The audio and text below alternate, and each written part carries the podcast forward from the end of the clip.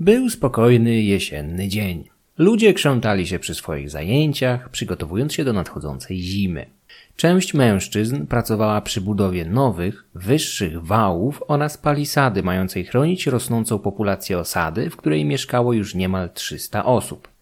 Gród wznosił się na piaszczystej wydmie, leżącej pośrodku podmokłych, bagnistych łąk. Niegdyś to wystarczyło, aby powstrzymać zakusy sąsiadów, ale ostatnimi czasy zagrożenie wzrosło. Po okolicznych osadach niosła się już wieść o nieznanych wcześniej najeźdźcach nadciągających z tej strony, z której codziennie przybywało słońce. Nowy wał ukończony był już w trzech czwartych. Wznosił się na 6 metrów wysokości, zaś szerokość u podstawy sięgała 10. Konstruowano go na rusztowaniu z drewnianych bali ułożonych w kształcie skrzyń wzmocnionych słupami. Na jego szczycie wzniesiono dodatkowo osłonę w postaci drewnianej palisady. Prace postępowały dzień za dniem od miesięcy. Mieszkańcy mieli nadzieję zakończyć je przed nadejściem zimy. Nie zdołali jednak tego dokonać.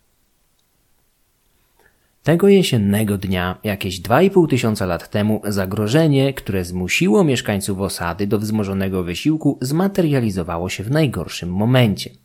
W środku dnia z pobliskich lasów wyłoniła się watacha złożona z kilkuset jeźdźców, którzy zaraz po uformowaniu się na skraju podmokłej łąki ruszyli w kierunku brakującej części umocnień grodu. Scytowie, bo to oni byli najeźdźcami, zdołali kompletnie zaskoczyć mieszkańców grodu, w którego bezpośredniej okolicy tysiące lat później powstanie dzisiejsza Wicina, mała miejscowość leżąca w województwie lubuskim, 30 km od granicy Niemiec. Koczownicy ze wschodu żyli z łupieszczych najazdów, takich jak ten. O ich powodzeniu zaś decydowało zaskoczenie. Atakując niczego nie spodziewających się mieszkańców stałych osad, byli w stanie nie tylko z łatwością przełamać ich rozpaczliwą obronę. Mogli również łatwo zawładnąć stadami zwierząt i drogocennymi przedmiotami z brązu i złota. Na koniec zaś również ich właścicielami. W Wicinie, zamieszkanej przez ludność tzw. Tak kultury łużyckiej, zaskoczenie było zupełne, o czym świadczą ciała ofiar. Niektóre z nich znaleziono 2,5 tysiąca lat później razem z ozdobami z brązu i złota, co wyraźnie przemawiało nie tylko za gwałtownością ich śmierci, ale również porą dnia. Gdyby napad miał miejsce w nocy, ludzie byliby półnadzy, a kobiety z pewnością nie miałyby na sobie biżuterii. Scytowie wpadli do osady, poprzedzani salwami strzał z charakterystycznymi drobnymi grotami, które archeolodzy odkryli nie tylko na Majdanie badanego grodziska. Groty odkrywano także na okolicznych łąkach, którymi mogła uciekać ta część mieszkańców, która zdołała w porę wydostać się z grodu. Podczas ataku osadę podpalono, prawdopodobnie dla zwiększenia zamętu i łatwiejszego złamania ducha obrońców. Ogień szybko zamienił ją w zgliszcza, ale przy okazji uratował przed rabunkiem wiele cennych przedmiotów z brązu oraz ceramikę. W ruinach znaleziono ciała pomordowanych mieszkańców, głównie kobiet, dzieci i starców, choć nie tylko. W warsztacie odlewniczym znaleziono zwłoki mężczyzny, prawdopodobnie kowala. Tuż przy pobliskiej jamie leżała kobieta, licząca w chwili śmierci około 25 lat. Jej ułożenie ciała sugerowało, że tuż przed zgonem śpieszyła jeszcze do jamy, aby znaleźć w niej schronienie. Kawałek dalej, na zwłokach siedmioletniego dziecka, leżała inna kobieta, prawdopodobnie jego matka. Nigdzie nie odkryto ciał napastników. Być może ich atak był tak szybki i skuteczny, że nie ponieśli żadnych ofiar śmiertelnych? A może zabrali ze sobą poległych? Na wale odkryto żelazny scytyjski czekan, tzw. Tak sagaris, zaś w jego tulejce ciągle znajdowały się dwa grociki strzał. Prawdopodobnie żelazna głowica poluzowała się, a jej właściciel pragnął ustabilizować ją, wpychając groty do tulei osadzonej na drewnianym stylisku. Mógł zgubić czekan w tym miejscu i nigdy po niego nie wrócić. W zgliszczach osady archeolodzy odkryli pełne spichlerze i jamy wypełnione m.in. żołędziami, co pozwoliło ustalić, że najazd musiał mieć miejsce jesienią, gdy kończono zbieranie zapasów przed nadchodzącą zimą. Osada zniszczona przez Scytów nagle stała się kopalnią wiedzy o życiu codziennym ludów kultury łużyckiej. Ich dramat stał się dla nas szansą na zdobycie cennej wiedzy. Dla najeźdźców zaś była to okazja do wzbogacenia się. Większość mieszkańców zapewne pojmano i pognano w niewolę. Zagarnięto także ich stada oraz cenne przedmioty, szczególnie te z metalu. Wiele jednak przeoczono, a to, czego nie zrabowano, pochłonęły płomienie bądź przykryły zgliszcza palącego się grodu. Według archeologa profesora Zbigniewa Bukowskiego, autora posłowia do polskiego wydania Scytów Aleksieja Smirnowa, końcem VI wieku przed naszą erą zbrojne watachy Scytów zapuszczały się daleko na zachód penetrując tereny dzisiejszej Słowacji Czech oraz bardziej na północy rubieża niziny środkowoeuropejskiej, docierając co najmniej do Odry. Na północ od Bratysławy, w Smolenicach, odkryto pozostałości silnie umocnionego grodu, być może rezydencji książęcej, złupionej i spalonej przez Scytów. Najeźdźcy pozostawili po sobie wizytówkę w postaci setek charakterystycznych grocików strzał tkwiących w wałach oraz rumowiskach domostw. Najazdy na południe od Karpat powtarzano cyklicznie, dochodząc aż do Moraw i Bramy Morawskiej. W tamtych okolicach zagłada spotkała warownię w Strambergu, a ślady oblężeń noszą liczne w okolicznych górach jaskinie, do których musiała się chronić miejscowa ludność. W okolicznych osadach archeolodzy napotkali to, co odkryto także w Wicinie. Spalone rumowiska, pod którymi znajdowały się zwęglone zwłoki mieszkańców. Obok, na prędce, ukryte przedmioty z cennych metali, a to wszystko razem zroszone licznymi grocikami strzał. Scytowie parli na północ i wkroczyli na dzisiejszy Śląsk, być może przez Bramę Morawską. Na ślady ich obecności natrafiono na Górnym Śląsku, gdzie w rejonach Gliwic i Będzina złupili kilka osad. Zatrzymali się w śląskich Rzędkowicach, znanych dzisiaj z malowniczych skał krasowych, ale w planach nie mieli zwiedzania. W jednej z tutejszych jaskiń oblegli i zapewne złamali opór miejscowej ludności. Wtargnęli także na Kujawy, znane wówczas z licznych warzelni cennej soli. Zdobyli również osadę na jeziorze Gopło, w miejscu, gdzie dzisiaj leży Kruszwica. Umiejętność pokonywania przeszkód wodnych nie była obca Scytom. Ksenofont w swojej wyprawie Cyrusa wyjaśnia nawet jak tego dokonywano. Koniom przytraczano do boków bukłaki wypełnione powietrzem lub worki z sianem, które pomagały im utrzymać się na wodzie. Scytowie nie byli prawdopodobnie pierwszymi, którzy wymyślili ten sposób. Już na asyryjskich płaskorzeźbach widzimy piechurów przekraczających wezbraną rzekę na pontonach z nabitych powietrzem skórzanych worków ten sposób nawet wojownicy dosiadający koni byli w stanie zaskoczyć przeciwnika ufnego w bezpieczeństwo gwarantowane rzekomo przez zaporę wodną. W 1882 roku na polu ornym w należącej do cesarstwa niemieckiego miejscowości Fettersfelde, dzisiaj będącej lubuskim Witaszkowem, odkryto drogocenny scytyjski skarb składający się z ponad 20 elementów. Część drobniejszych fragmentów zaginęła wkrótce po odkryciu, ale większość zdołano zachować i umieścić w muzeach. Skarb z Witaszkowa do dzisiaj jest jednym z najsłynniejszych tego typu znalezisk nie tylko w regionie, ale na kontynencie. W jego skład wchodzą m.in. złote okucie scytyjskiego gorytosu, czyli futerału łuczniczego łączącego w sobie cechy kołczanu i łubia. Scytyjski wojownik przechowywał w gorytosie zarówno strzały, jak i łuk, a całość nosił na lewym biodrze. Okucie z Witaszkowa ma kształt 30-centymetrowej złotej ryby, wypełnionej dodatkowo przedstawieniami innych zwierząt. Poza nią wśród skarbów natrafiono na złoconą osełkę, na ramiennik, dwa naszyjniki oraz pozłacany uchwyt krótkiego miecza, tak zwanego akinakesu i fragment okucia jego pochwy. Skarb z Witaszkowa od zawsze był zagadką. Z pewnością należał do członka ich elity, a Scytowie nie mieli w zwyczaju grzebać wodzów czy władców w obcej ziemi. Przypuszcza się, że zwłoki władców poległych podczas zagranicznych kampanii transportowano z powrotem do ojczyzny, co mogłoby tłumaczyć, dlaczego pomimo długiej i pełnej wojen obecności Scytów na Bliskim Wschodzie do dzisiaj nie odkryto tam żadnego identyfikowanego z nimi kurhanu grzebalnego. Wysuwano hipotezy, że skarb mógł dostać się w ręce miejscowej ludności na skutek handlu, ale ponieważ nosił ślady uszkodzeń powstałych być może podczas odrywania złotych elementów od mniej wartościowych fragmentów, większość badaczy przyjęła, że zdobyto go na scytach. Być może jakiś zagon irańskich nomadów wpadł w zasadzkę albo zwyczajnie przegrał starcie z miejscowymi?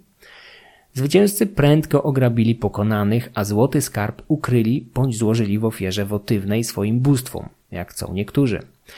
Tak czy inaczej, skarb z Witaszkowa, stworzony zapewne zręcznymi rękami jakiegoś greckiego rzemieślnika z nadmorza Czarnego, być może z krymskiego Pantikapejonu, finalnie znalazł się setki kilometrów na zachód w rękach przedstawicieli lokalnej kultury łużyckiej.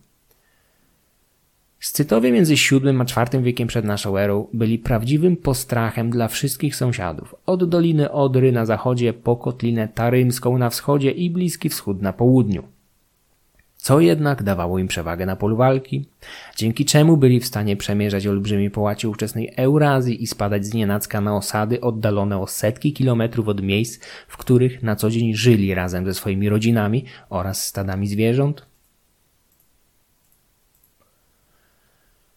Scytowie uchodzili wśród osiadłych cywilizacji klasycznej starożytności za naród barbarzyński i tajemniczy, ale również biegły w sztuce wojny i wyjątkowo trudny do ujarzmienia. Perski król Dariusz I określał ich mianem ludu pod bronią, a grecki historyk Tukidydes pisał, że nikt nie oparłby się ich potędze, gdyby tylko byli jednomyślni. Herodot z kolei uważał, że byli w stanie wystawić do walki więcej mężów nawet od Traków, których łączne siły szacował na 150 tysięcy wojowników.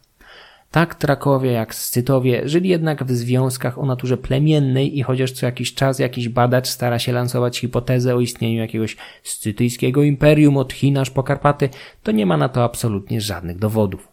Słowa Tukidydesa o braku jednomyślności wśród Scytów są najlepszym zaprzeczeniem istnienia zjednoczonej Scytii. Pomimo rozdrobnienia i ciągłych wojen wewnętrznych, Scytowie byli znani jako wyjątkowo groźni i pomysłowi przeciwnicy. Przede wszystkim byli niesamowicie mobilni, co podkreślał już sam Herodot. Jego zdaniem ich sposób życia zapewniał im odporność na wszelkie inwazje zewnętrzne, przynajmniej dopóty, dopóki dokonywane były przez armię ludów osiadłych. Nie mając stałych siedzib, mogli skutecznie unikać walnego starcia, skupiając się na wojnie podjazdowej i wyczerpywaniu przeciwnika do momentu, gdy był już tak osłabiony, że mogli rozbić go w walnym starciu bądź zmusić do odwrotu. Najlepszym przykładem takiej taktyki była nieudana inwazja perskiego króla Dariusza I Wielkiego. Scytowie byli od urodzenia szczególnie zżyci ze swoimi końmi, a większą część ich armii stanowili właśnie kawalerzyści. Z czasem zwiększał się udział piechurów rekrutowanych głównie wśród najbiedniejszych Scytów bądź innych ludów uzależnionych. O ile wzmianki o scytyjskich piechurach w VI wieku przed naszą erą będą szczątkowe, o tyle 200 lat później, pod koniec IV stulecia przed naszą erą, podczas wojen domowych w Królestwie Bosporańskim, będą oni stanowili całkiem liczną część walczących armii. Ukraiński archeolog Jewgenij Czernienko zauważył, że w swoich czasach Scytowie byli prawdopodobnie najbardziej wszechstronnymi wojownikami, wykorzystującymi do walki wyjątkowo szeroki arsenał, w którym nie było jedynie szabli i być może kolczugi, chociaż brak tej drugiej nie jest wcale taki pewny. Przeciętny Scyta poruszał się na koniu, najczęściej wałachu, przynajmniej jeżeli uwzględnimy odkrycia archeologów. Kluczowy przy wyborze zwierzęcia był stan jego kopyt, gdyż nie stosowano wówczas podków. Scytowie przywiązywali szczególną uwagę do koloru pęcin wierzchowca, wierząc, że białe pęciny oznaczały słabe kopyta. Nie stosowali strzemion, natomiast mamy potwierdzenia na stosowanie siodeł odkrywanych w pochówkach oraz na ikonografii, aczkolwiek istnieją przedstawienia walczących jeźdźców siedzących na grzbiecie zwierzęcia na oklep. Walkę rozpoczynał ostrzał prowadzony z dużej odległości za pomocą łuków kompozytowych oraz strzał. Scytyjskie łuki konstruowane ze sklejonych ze sobą fragmentów drewna, rogu i zwierzęcych ścięgien były śmiercionośną bronią długodystansową. Wewnątrz jednego z grobowców w Olbi zachowała się inskrypcja mówiąca, że niejaki Anaxagoras, syn Dimagorasa, korzystając z takiego łuku, wystrzelił strzałę na zawrotną odległość 521 metrów. Prawdopodobnie dokonał tego podczas jakichś zawodów. Same łuki były wykonane z materiałów organicznych, przez co do naszych czasów nie zachował się żaden z nich. Musimy zadowolić się przedstawieniami ikonograficznymi. Długość takiej broni nie przekraczała 80 cm. W Gorytosie mieściło się między 70 a 100 strzał, wykonanych z brzozy z grotami z brązu, żelaza lub rzadziej kości. Lotki wykonywano z barwionych ptasich piór. Doświadczony scytyjski wojownik był w stanie dosłownie zasypywać przeciwnika gradem strzał, wypuszczając od 3 do 10 na minutę. Oddział liczący tysiąc jeźdźców był więc w teorii w stanie zasypać przeciwnika dziesiątkami tysięcy strzałów w przeciągu 10 minut. W rzeczywistości tempo ostrzału było zapewne wolniejsze i uzależnione od warunków terenu czy nawet pogody. Mimo wszystko Scytowie byli w stanie rozbić nawet dość silnego przeciwnika podczas pierwszej fazy walki toczonej na dystans. Źródła mówią nam, że do perfekcji opanowali oni taktykę polegającą na szybkim zbliżaniu się do przeciwnika, wypuszczaniu w jego kierunku kilku salw z łuków, a następnie błyskawicznym wycofywaniu się. Wrogowie ruszali w pościg za scytami, ci zaś uciekając obracali się w siodle i wypuszczali w kierunku kawalerii przeciwnika kolejną salwę zwaną strzałem partyjskim od innego irańskiego ludu partów, który wielokrotnie dawał się w ten sposób we znaki Rzymianom. Dzięki tym ostatnim to partowie zapisali się w historii jako autorzy słynnego strzału oddawanego do tyłu przez odwróconego jeźdźca.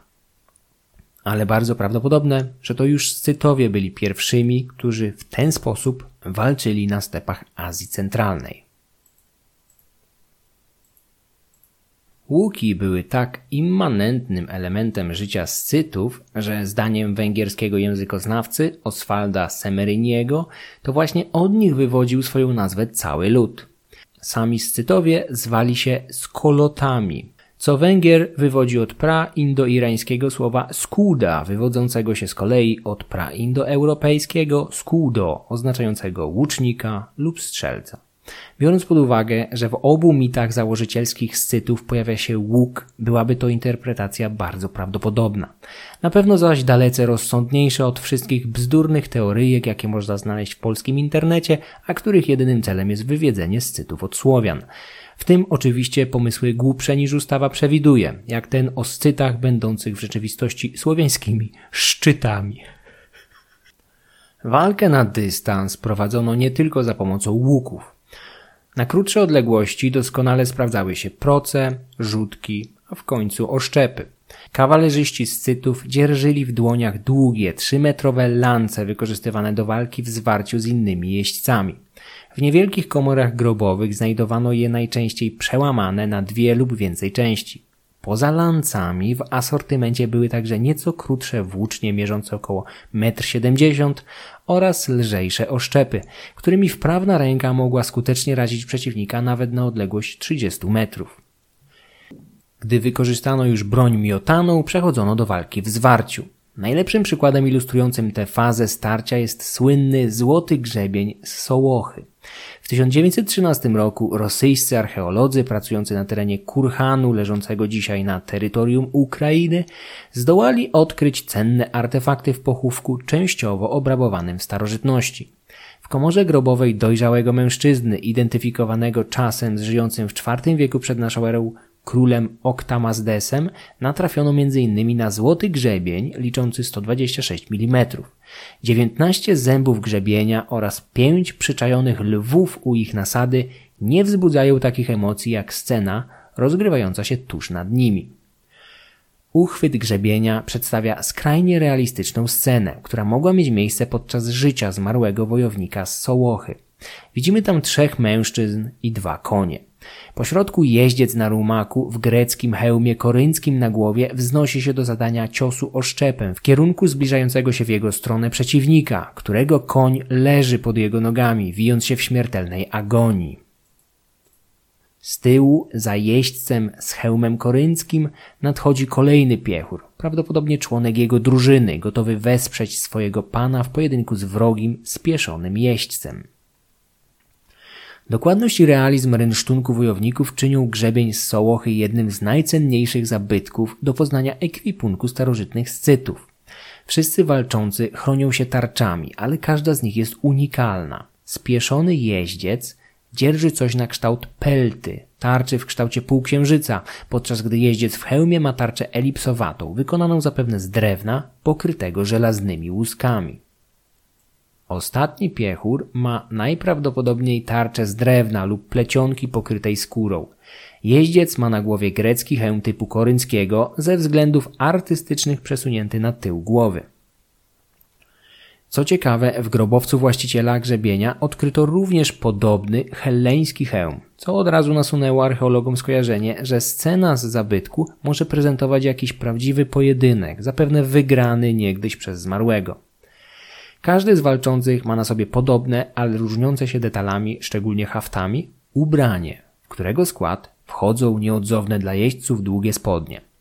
Wojownik w hełmie nosi łuskowy pancerz. Prawej dłoni dzierży krótki oszczep, którym celuje w zbliżającego się napastnika. Ciało jego przeciwnika chroni pancerz przypominający grecki linotorax, wykonywany z warstw klejonego lnu z charakterystycznymi pteryjes, tak zwanymi skrzydłami opadającymi na biodra. Na jego głowie widzimy coś, co przypomina czapkę frygijską. Dwaj piechurzy dzierżą w dłoniach krótkie miecze, tak zwane akinakesy. Jeden z nich ma z kolei bardzo bogato zdobioną pochwę na taki miecz. Na biodrach dwóch mężczyzn znajdują się nieodłączne gorytosy ze strzałami i łukami przydatnymi w walce dystansowej. Grzebień z Sołochy przedstawia tę fazę starcia, w której wojownicy ścierali się wręcz, walcząc za pomocą szerokiego asortymentu broni białej. Akinakes, charakterystyczny krótki miecz lub długi sztylet, może być bowiem zaklasyfikowany do obu rodzin, był nieodłącznym elementem wyposażenia wojowników z ludów irańskich, takich jak Scytowie. Podobną broń można było jednak spotkać również u Persów i Medów. Scytowie posługiwali się także dłuższymi, obosiecznymi mieczami z klingami liczącymi 60-70 cm. W kurhanie domniemanego Oktamazdesa odkryto również metalową buławę bojową, chociaż drewniany trzonek zdążył się z czasem rozłożyć w glebie. Każdy szanujący się scyta miał gdzieś pod ręką także topór z charakterystyczną głowicą przypominającą nieco indiański tomahawk, góralską ciupagę albo czekan alpinisty. Oczywiście podobieństwa nie są efektem pokrewieństwa między scytami a karpackimi góralami, miłośnikami wspinaczki wysokogórskiej czy północnoamerykańskimi Indianami. Po prostu niektóre przedmioty codziennego użytku wyglądają podobnie, nawet jeżeli ich twórcy nie mają ze sobą bezpośredniego kontaktu. Ludzie zazwyczaj mają tyle samo nóg i rąk oraz palców na dłoniach, stąd ich młotki, czekany i garnki są dość podobne i to nawet bez pomocy kosmitów czy innych paleoastronautów. Uzbrojenie ofensywne uzupełniał bicz, który w sprawnych rękach mógł być bardzo skuteczną i śmiercionośną bronią. Mnogość uzbrojenia ofensywnego wymogła na scytach zainwestowanie w elementy defensywne, takie jak pancerze, hełmy, tarcze i nagolennice. Trzy odmienne tarcze widzieliśmy na grzebieniu z Sołochy. Podobnie wygląda sprawa z pozostałymi elementami. Greckie zapożyczenia wśród scytów mają dość młodą metrykę. Irańscy koczownicy doskonale radzili sobie i bez nich, korzystając z otwartych hełmów typu kubań oraz pancerzy łuskowych. To właśnie Scytów podejrzewa się o wynalezienie sposobu na łączenie ze sobą małych fragmentów metalu przypominających z daleka rybią łuskę. Nachodzące na siebie łuski zapewniały wojownikom nie tylko tak potrzebną podczas walki elastyczność, ale dodatkową ochronę. Na każdą łuskę nachodziły jakieś sąsiednie, dodatkowo zwiększając grubość koniecznego do przebicia pancerza przy jednoczesnym zachowaniu dość dużej swobody ruchów, niemożliwej do osiągnięcia przez wojownika korzystającego ze sztywnego pancerza z brązu, takiego jak te stosowane przez greckich hoplitów w epoce archaicznej. Scytowie nie ograniczali się do osłaniania własnych ciał. Dbali także o swoje wierzchowce, równie istotne i zagrożone w walce. To irańskim koczownikom żyjącym w starożytności na bezkresnych stepach Azji Centralnej przypisuje się wynalezienie ciężkiej, pancernej kawalerii, zwanej później jako katafrakt, od greckiego słowa katafraktos, oznaczającego po prostu coś okrytego, opancerzonego. Z biegiem czasu konie pokrywano coraz obszerniejszymi, łuskowymi pancerzami, a szarża opancerzonych katafraktów potrafiła rozerwać formację nawet najlepiej wyszkolonej i zdyscyplinowanej armii, tak jak miało to miejsce choćby pod Magnezją w 191 przed naszą erą, gdzie na jednym ze skrzydeł ciężka kawaleria Seleucydów Antiocha Wielkiego przerwała rzymskie linie. Nie wpłynęło to jednak na finalny wynik całego starcia, przegranego przez armię hellenistycznego monarchy. Katafrakci będą dawać się we znaki Rzymianom, szczególnie podczas ich późniejszych wojen z królestwami Partów i Sasanidów. Typowy dla ludów irańskich Azji Centralnej katafrakt przedstawiają kościane płytki z cmentarzyska w Orlat w dzisiejszym Uzbekistanie. Pochodzące zapewne z pierwszego stulecia naszej ery, trzy płytki przedstawiają sceny walki oraz polowania, w których uczestniczą wojownicy zakuci w łuskowate pancerze niemal od stóp aż po czubek głowy. Jeden z jeźdźców przytroczył nawet odciętą głowę pokonanego przeciwnika do swojego rumaka. Wcześniejszy o 500 lat Herodot wspominał o tym zwyczaju wśród spotkanych przez siebie scytów, którzy mieli odcinać głowy znaczniejszym przeciwnikom, ale najczęściej ściągali jedynie skalpy, które, podobnie jak jeździec z Orlat, mocowali do końskiego rzędu. Skalpy zabitych przeciwników były również istotne podczas podziału łupów. Każdy wojownik prezentował swojemu królowi po walce skalpy pokonanych wrogów, a władca z kolei wydzielał mu z łupów część stosowną do jego osiągnięć. Herodot notował również, że niektórzy wojownicy garbowali skalpy i szyli sobie z nich płaszcze. Te krwawe trofea były wyznacznikami umiejętności wojennych. Na polu walki mogły dodatkowo mieć na celu wzbudzenie lęku w przeciwnikach. Zmarły wojownik z kurhanów Pazyryk sam został oskalpowany. Najprawdopodobniej jego rodzina odzyskała ciało zbyt późno, aby uchronić go przed tą profanacją. Podobiznę wojownika paradującego z odciętą głową wroga odkryto również na złotym ornamencie znalezionym w Kurhanie nad rzeką Kurdzips, na północ od Kaukazu, w kraju krasnodarskim.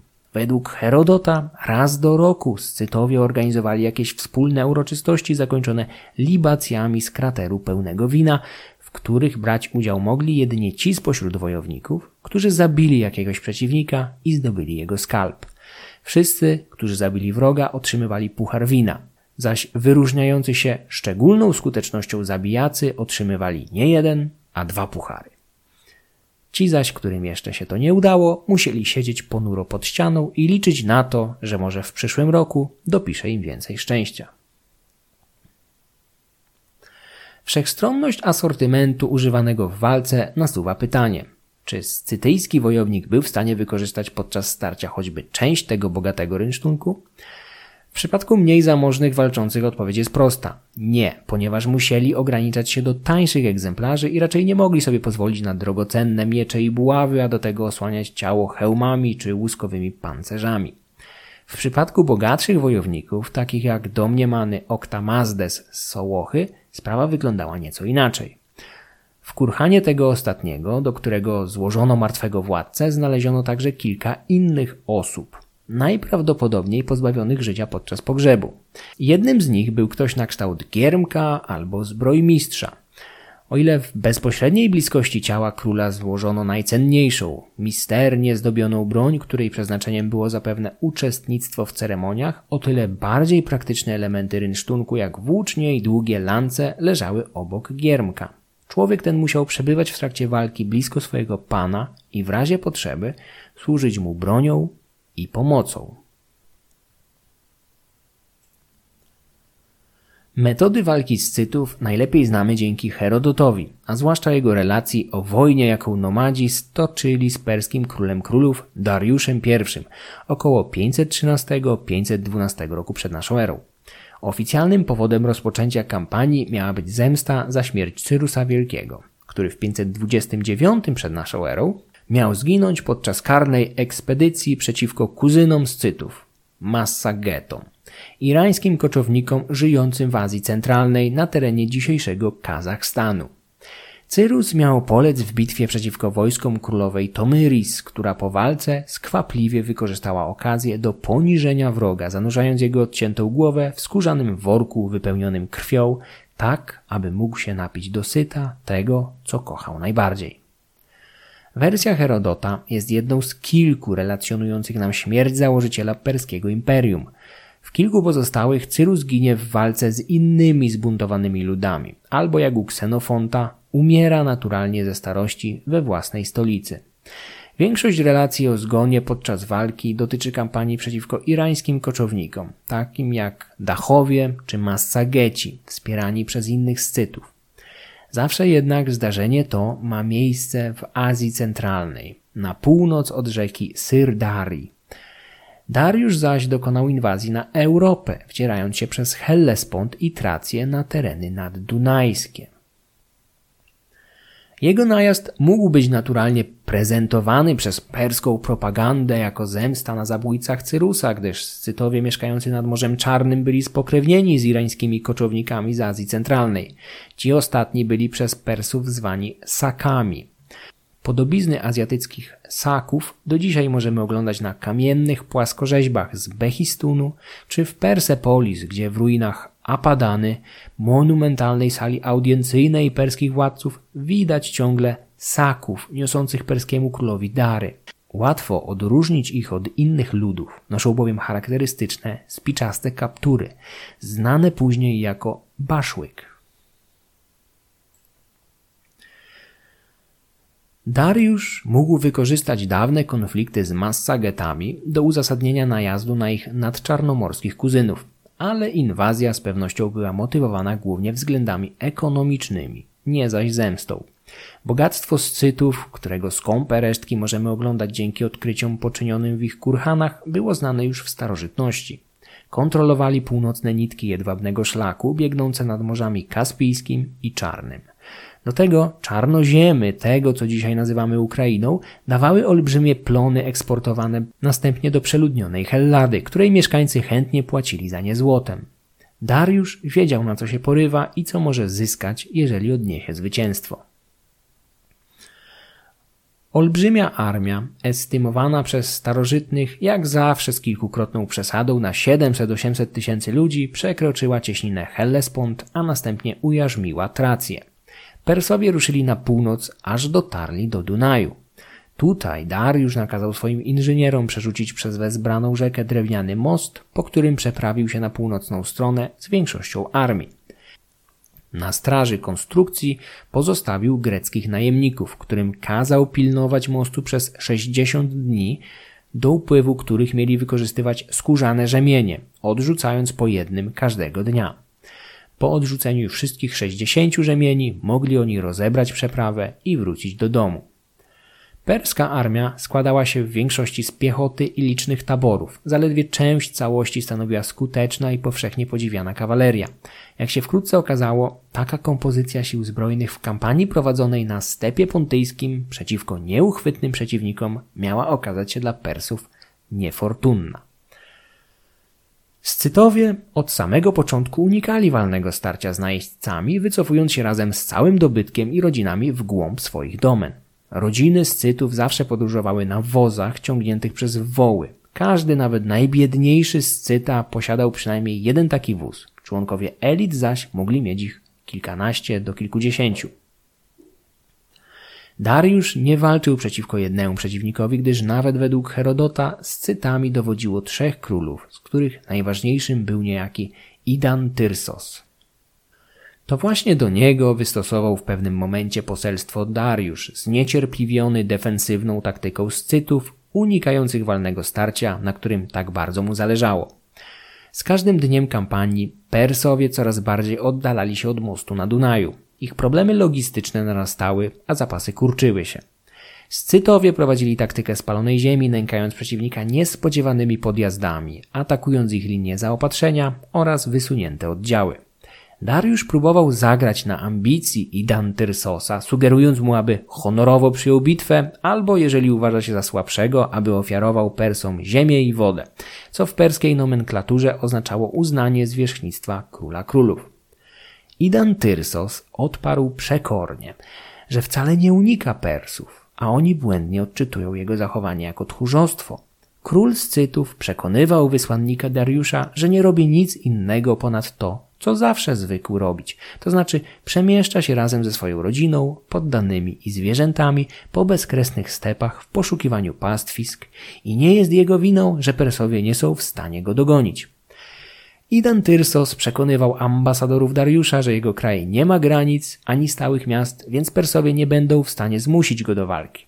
Dla Scytów, zdaniem ich króla, jedyną świętością były groby ich przodków. Kurhany, takie jak ten wspomniany przeze mnie wcześniej, w którym znaleziono złoty grzebień, chociaż pochówek w okolicach ukraińskiego Nikopola powstanie ponad 100 lat po zmaganiach Persów ze Scytami i Dantyrsosa. Dyplomaci Dariusza powrócili do władcy z niczym, a Persowie musieli dalej szukać wiatru w polu, co jakiś czas rozbijając warowne obozowiska chroniące ich przed niespodziewanymi atakami nomadów. Minorowe nastroje w perskim obozie dodatkowo pogorszyło przybycie scytyjskich wysłanników, którzy złożyli królowi dary w postaci myszy, ptaka, zająca i pięciu strzał. Król z początku odebrał to jako symbol uznania jego zwierzchności. Jego zdaniem zwierzęta i strzały były tutejszym odpowiednikiem ziemi i wody, jakiej się wcześniej domagał od Idan Tyrsosa. Jeden z dworzan króla zaproponował jednak inne rozwiązanie tego dylematu. Jego zdaniem Scytowie przekazywali Persom ostrzeżenie, że jeżeli nie uciekną niczym zające, nie skryją się do ziemi niczym myszy, bądź nie odlecą niczym ptaki, to spotkają się z ich strzałami. Pewnego razu przed perskim obozowiskiem wyrosło jednak dość pokaźne wojsko Scytów, którzy wyglądali tak, jakby szykowali się do starcia zbrojnego. Dariusz nakazał wyprowadzić czym prędzej armię na spotkanie wroga, licząc na walne starcie. Gdy oba wojska stanęły naprzeciwko siebie, wśród Scytów powstało poruszenie. Szybko zmieniło się ono w zamęt i w oka mgnieniu duża część jeźdźców zaczęła opuszczać szyki, gnając przed siebie na wyścigi z innymi. Okazało się, że maszerujące armie wypłoszyły z nory jakiegoś zająca, który po ujrzeniu licznych zastępów stwierdził, że na tym kawałku stepu zanosi się jakąś grubszą awanturę, a co za tym idzie, lepiej byłoby go opuścić. Uciekającego zajęczaka dostrzegli scytowie, znani z zamiłowania do polowań i w oka mgnieniu puścili się za nim, opuszczając pole niedoszłej bitwy. Zdruzgotany Dariusz znowu musiał obejść się smakiem. Zrozumiał bowiem, że Scytowie drwią sobie z niego, grając na zwłokę. Czas grał na jego niekorzyść. Tej nocy król nakazał zebrać zdolne do marszu wojsko i pod pozorem chęci sprowokowania Scytów do walki wyprowadzić żołnierzy z obozowiska. Za sobą zostawił rannych, chorych i dużą część zwierząt razem z taborami. Persowie mieli wrócić do swoich następnego dnia, ale tak się nie stało. Dariusz nakazał morderczy marsz z powrotem w kierunku Dunaju, rannych i chorych zaś porzucił na pastwę wrogów. Idan Tyrsos tymczasem wysłał swoich ludzi do Greków strzegących mostu na Dunaju, aby przekonać ich do opuszczenia posterunku albo zniszczenia przeprawy, co w efekcie skończyłoby się kompletną zagładą armii Dariusza uwięzionej na północnym brzegu Dunaju. Hellenowie zaczęli jednak grać na czas. W końcu zaczęli nawet rozbierać pierwsze przęsła mostu od strony Scytów, prowadzili jednak rozbiórkę bardzo powoli, czekając na powrót swojego króla. Doczekali się. Dariusz razem z resztkami wojska powrócił wkrótce nad Dunaj i z ulgą stwierdził, że most jeszcze stoi. Grecy dotrzymali słowa i umożliwili jego armii bezpieczny powrót do Tracji. Perska kampania w Scytii jest niewątpliwym faktem, ale jej zasięg podlega ciągłym spekulacjom. Niektórzy badacze sugerowali, że Dariusz zawędrował aż nad Don, co jest z pewnością przesadą, gdyż w ciągu kilku lub kilkunastu najwyżej tygodni musiałby pokonać w niesprzyjającym terenie około tysiąca kilometrów, pokonując przy tym kilka znacznych rzek, takich jak Prut, Dniestr czy Dniepr. Wydaje się, że jego inwazja utknęła gdzieś na zachód od Dniepru, nie osiągnąwszy większych sukcesów. Porażka Persów utrwaliła wśród współczesnych mit o scytyjskiej niezwyciężoności, chociaż całe przedsięwzięcie mogło być niczym więcej jak niewielką kampanią militarną wyolbrzymioną przez samych Scytów i skłonnego do przesady Herodota. Los Persów pozostawionych na pastwę zwycięskich nomadów nie był godny pozazdroszczenia. Herodot zanotował, że Scytowie, urodzeni politeiści, szczególną czcią darzyli Boga wojny którego zapewne z nieznajomości właściwego teonimu nazwał Aresem. Tylko temu bóstwu można było stawiać posągi i świątynie. Herodot pisał, że kult Aresa przybiera u nich szczególny charakter. Każde z trzech scytyjskich plemion co roku oddawało mu cześć w wyznaczonym miejscu, gdzie usypano specjalny czworoboczny kopiec, dodatkowo obłożony uzupełnianym co roku chrustem. Na szczycie kopca zamiast pomnika znajdował się Akinakes, krótki miecz boga wojny wbity sztychem w glebę. Tutaj zażynało się liczne konie i bydło, a także ludzi. Z każdych stu pojmanych jeńców wybierało się jednego. Jego głowę kropiło się winem, a następnie nad naczyniem podrzynało się mu gardło. Ciało porzucano na chruście, a krwią podlewano miecz. Na koniec wszystkim zabitym odrąbywano prawe ramię i wyrzucano w powietrze. Zostawiało się je tam, gdzie spadło. Podobnie robiono ze zwłokami. Na stepie pontyjskim oraz w okolicach Kaukazu odkryto ślady po ziemnych platformach budowanych przez Alanów, potomków Scytów. O kulcie boga wojny wśród Scytów wspominał także Strabon, Klaudiusz Ptolemeusz, Pliniusz Starszy i Stefanus z Bizancjum. Lukian z Samosat również wspominał o kulcie miecza wśród Scytów, a kilkaset lat później gocki kronikarz Jordanes będzie twierdził, że władca Hunów Attila zdołał zdominować spokrewnionych z nimi irańskich Alanów, zdobywając miecz Marsa, boga wojny. Kult miecza, boga wojny był więc immanentną cechą ludów koczowniczych na stepie pontyjskim i przetrwał setki lat. Odcinanie prawej ręki składanych w ofierze jeńców mogło zaś być pewną formą ofiary dla tzw. Tak Aresa, który otrzymywał siłę prawicy, w której pokonani dzierżyli broń oraz krew, jaką podlewano jego miecz. Wyznawcy Boga Wojny zapewne oczekiwali jego siły w zamian za te dary z jeńców. Według Herodota od wojownika oczekiwano, że wypije krew swojego pierwszego pokonanego wroga, co mogło mieć jakiś związek z wiarą w przejęcie siły zwyciężonego przeciwnika. Wszystko to może wydawać się przesadzone, ale tylko do momentu, gdy zapoznamy się z odkryciami archeologicznymi, szczególnie z Czertomłyku oraz Pazyryku, które potwierdzają lub przynajmniej mocno uprawdopodobniają dużą część rewelacji Herodota, także te o rytualnym kanibalizmie oraz otaczaniu kurhanów zmarłych wodzów okręgami zbudowanymi z ciał martwych jeźdźców oraz wierzchowców wbitych na pale. Szerzej omówię je w kolejnym odcinku poświęconym kulturze i religii Scytów. Scytowie dawali się we znaki wszystkim sąsiadom, a jeszcze bardziej sobie nawzajem. Przez stulecia uchodzili za nieustraszonych i biegłych w sztuce wojennej przeciwników. W pewnym momencie musieli jednak uznać wyższość innych. Jak do tego doszło? W czwartym stuleciu przed naszą erą plemiona Scytów pod wodzą króla Ateasa dzierżyły w panowaniu ziemię na południe od Dunaju, a ich wiekowemu, blisko 90-letniemu władcy marzył się nawet podbój Tracji. Na przeszkodzie stanął mu jednak pewien ambitny i bezwzględny człowiek Filip Macedoński.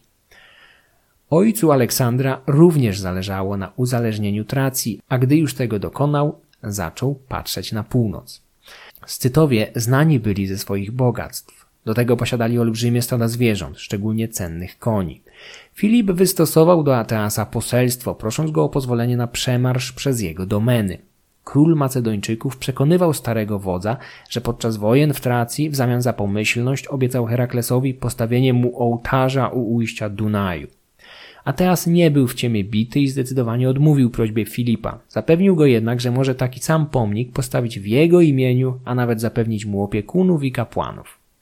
Macedończyk zrzucił w tym momencie maskę i w 339 przed naszą erą wtargnął na ziemię Scytów.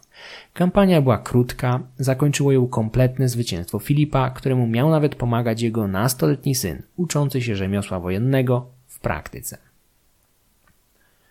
O wojnie Filipa z Ateasem nie wiemy prawie nic poza jej rezultatem, gdyż toczyła się z dala od Hellady, stąd też niespecjalnie interesowała tamtejszych historyków i polityków. Adrian Goldsworthy starał się jednak hipotetycznie odtworzyć przebieg kampanii. Wiemy, że Ateas nie kwapił się do walki z Filipem, ale pomimo tego został bardzo szybko pokonany, czyli został zmuszony do stanięcia w polu a Macedończyk zdobył na pokonanym i zabitym podczas walki władcy mnóstwo złota, a także 20 tysięcy jeńców, głównie kobiet i dzieci oraz tyle samo klaczy. Większość z tego łupu przepadła podczas morderczego powrotu przez bałkańskie przełęcze, gdy Macedończycy wpadli w zasadzkę urządzoną przez górskie plemiona trackich tryballów, a Filip został bardzo ciężko ranny. W jaki sposób Macedończycy zdołali pokonać Ateasa i w ogóle zmusić go do walki? Czy nie mógł przyjąć takiej samej strategii jak niemal 200 lat wcześniej Idan Tyrsos w wojnie z Dariuszem? Goldsworthy sugeruje, że Macedończycy musieli najechać z Cytów z zaskoczenia, wczesną wiosną, gdy nomadowie razem ze swoimi stadami byli zgromadzeni w nisko położonych dolinach nad Dunajem, tam, gdzie mogli o tej porze roku liczyć na znalezienie pastwisk. Gdyby atak nastąpił latem, Scytowie byliby zapewne bardziej rozproszeni. Mogliby także próbować uciekać w głąb swoich domen. Wczesną wiosną byli łatwiejszym łupem dla wojowniczego Filipa, który z kolei był znacznie lepszym wodzem niż Dariusz. Filip nie zniszczył kompletnie Scytów, ale definitywnie zakończył ich karierę na południe od Dunaju. Na północ od tej rzeki sytuacja wcale nie wyglądała lepiej. Zachodnia ekspansja Scytów natrafiła w tych czasach na prących w tym kierunku Celtów, ekspansywny lud przeżywający właśnie szczyt swojej świetności. Z kolei od wschodu na Scytów naciskały inne rosnące w siłę plemiona, wśród nich przede wszystkim irańscy Sarmaci, spotykani w źródłach także jako Sauromaci. Byli to krewniacy Scytów, posługujący się podobnym językiem. Sarmaci stopniowo, acz nieubłaganie parli na zachód, wchłaniając swoich krewniaków, tak jak oni sami wchłonęli kiedyś Kimmerów. Niezależni Scytowie przetrwali jeszcze jakiś czas na północnych brzegach Morza Czarnego oraz na Krymie. Na stepach Azji Centralnej w nadchodzących stuleciach, szczególnie na przełomie okresów znanych nam jako starożytność i średniowiecze, ludy irańskie zaczęły z kolei ustępować plemionom tureckim, stopniowo zajmującym ich miejsce w tej części Eurazji. W drugiej połowie czwartego stulecia przed naszą erą gasnący powoli Scytowie dali jeszcze dwa dowody swojej wartości na polu walki. W 331 przed naszą erą, zaledwie 8 lat po klęsce Ateasa, Macedończycy znowu ruszyli na północ. Zopyrion, jeden z generałów Aleksandra, sprawujący podczas azjatyckiej ekspedycji króla namiestnictwo Tracji, postanowił udowodnić swoją wartość i rzekomo na własną rękę podjąć się zdobycia ważnego portu, jakim była Olbia. Zdaniem historyka Justyna podjął się tego przedsięwzięcia, bojąc się, że w obliczu olbrzymich sukcesów swojego młodego króla jego bezczynność zostanie uznana za nieudolność. Zopyrion razem z 30-tysięczną armią zdołał oblec miasto, ale jego mieszkańcy wyzwolili niewolników i razem z nimi bronili się dzielnie. Jakby tego było mało, Olbianie zawarli porozumienie ze Scytami, którzy zaczęli nękać Zopyriona pod murami obleganego przezeń miasta. Do tego flotę Macedończyków zniszczył sztorm. Generał wkrótce zrozumiał, że znalazł się między młotem a kowadłem i zarządził odwrót. Rejterada okazała się katastrofą. Niemal cała armia razem ze swoim dowódcą wyginęła z ręki Scytów atakujących na północ od Dunaju, a następnie Getów i Tryballów na południe od rzeki. W Olanestii w południowej Mołdawii odkryto sześć macedońskich hełmów z tamtego okresu, należących prawdopodobnie do wycofującej się armii pechowego Zopyriona.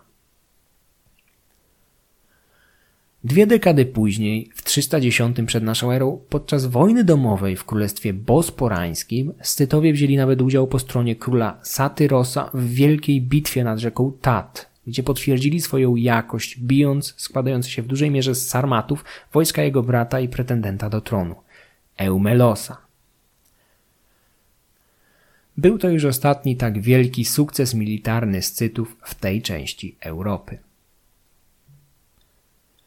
Historia Scytów nie zakończyła się w IV wieku przed naszą erą, ale stopniowo tracili oni na znaczeniu, ulegając kolejnym falom nomadów nadciągających stepową autostradą ciągnącą się przez step pontyjski aż do centrum Eurazji. Niegdyś dzielnie stawiali czoła perskiemu królowi, a ich watachy zapuszczały się aż do Odry, gdzie chwytali niewolników, takich jak ci pojmani niegdyś w łużyckiej Wicinie. Z czasem los, jaki ich przodkowie gotowali swoim ofiarom, coraz częściej zaczął się stawać ich udziałem a być może w ten sposób mogli sami myśleć, poganiani przez bałkańskie przełęcze jako niewolnicy Filipa, jednookiego króla Macedończyków. Treść przygotował i przeczytał Michał Kuźniar. Wszystkie wykorzystane źródła znajdziecie w opisie odcinka oraz w filmie na YouTube. Podcast Mroczne Wieki można wspierać na patronite.pl łamane na Mroczne Wieki. Serdecznie dziękuję wszystkim patronom, a szczególnie Tomaszowi, i dwóm Oscarom. Filmy będące ekranizacją audycji można oglądać i komentować na YouTube, do czego wszystkich serdecznie zachęcam.